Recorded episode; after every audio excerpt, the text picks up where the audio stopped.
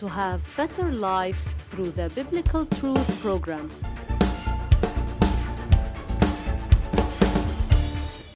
The title of today's biblical truth Be a faithful steward to what God gave you. In our lifetime, God has given each of us an amount of talents.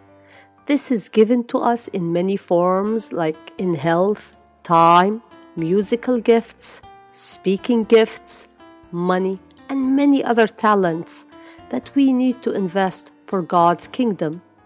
Today's biblical truth urges us to invest to extend God's kingdom and never to bury what God has given us. So many times when we hear the word invest, we think of money, but investing is not limited to money. It is your time and your musical or speaking talents. It could also be your wisdom or the gifts to speak and encourage people in need. Please, please never bury these talents. God wants to use each of us to help others that they may enjoy their lives and have a better life.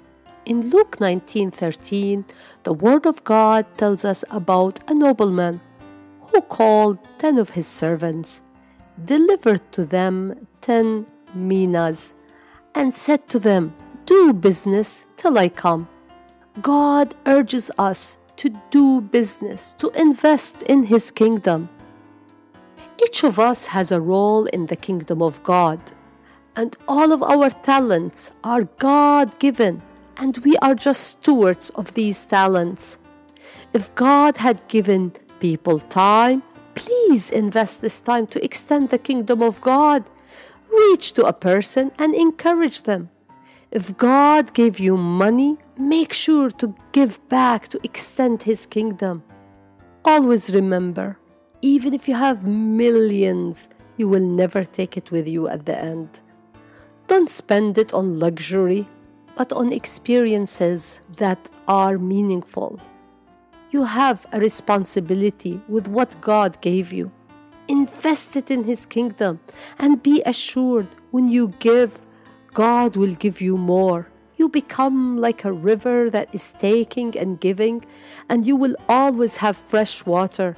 Don't be like the Dead Sea that is always taking and not giving back. Take a step of faith and make a decision today to give from what God gave you, whether your time, health, or money. Ask Him to give you wisdom, where and how to invest, and give without regret. Amen and amen. May the Lord bless you in a new episode of the Biblical Truth program.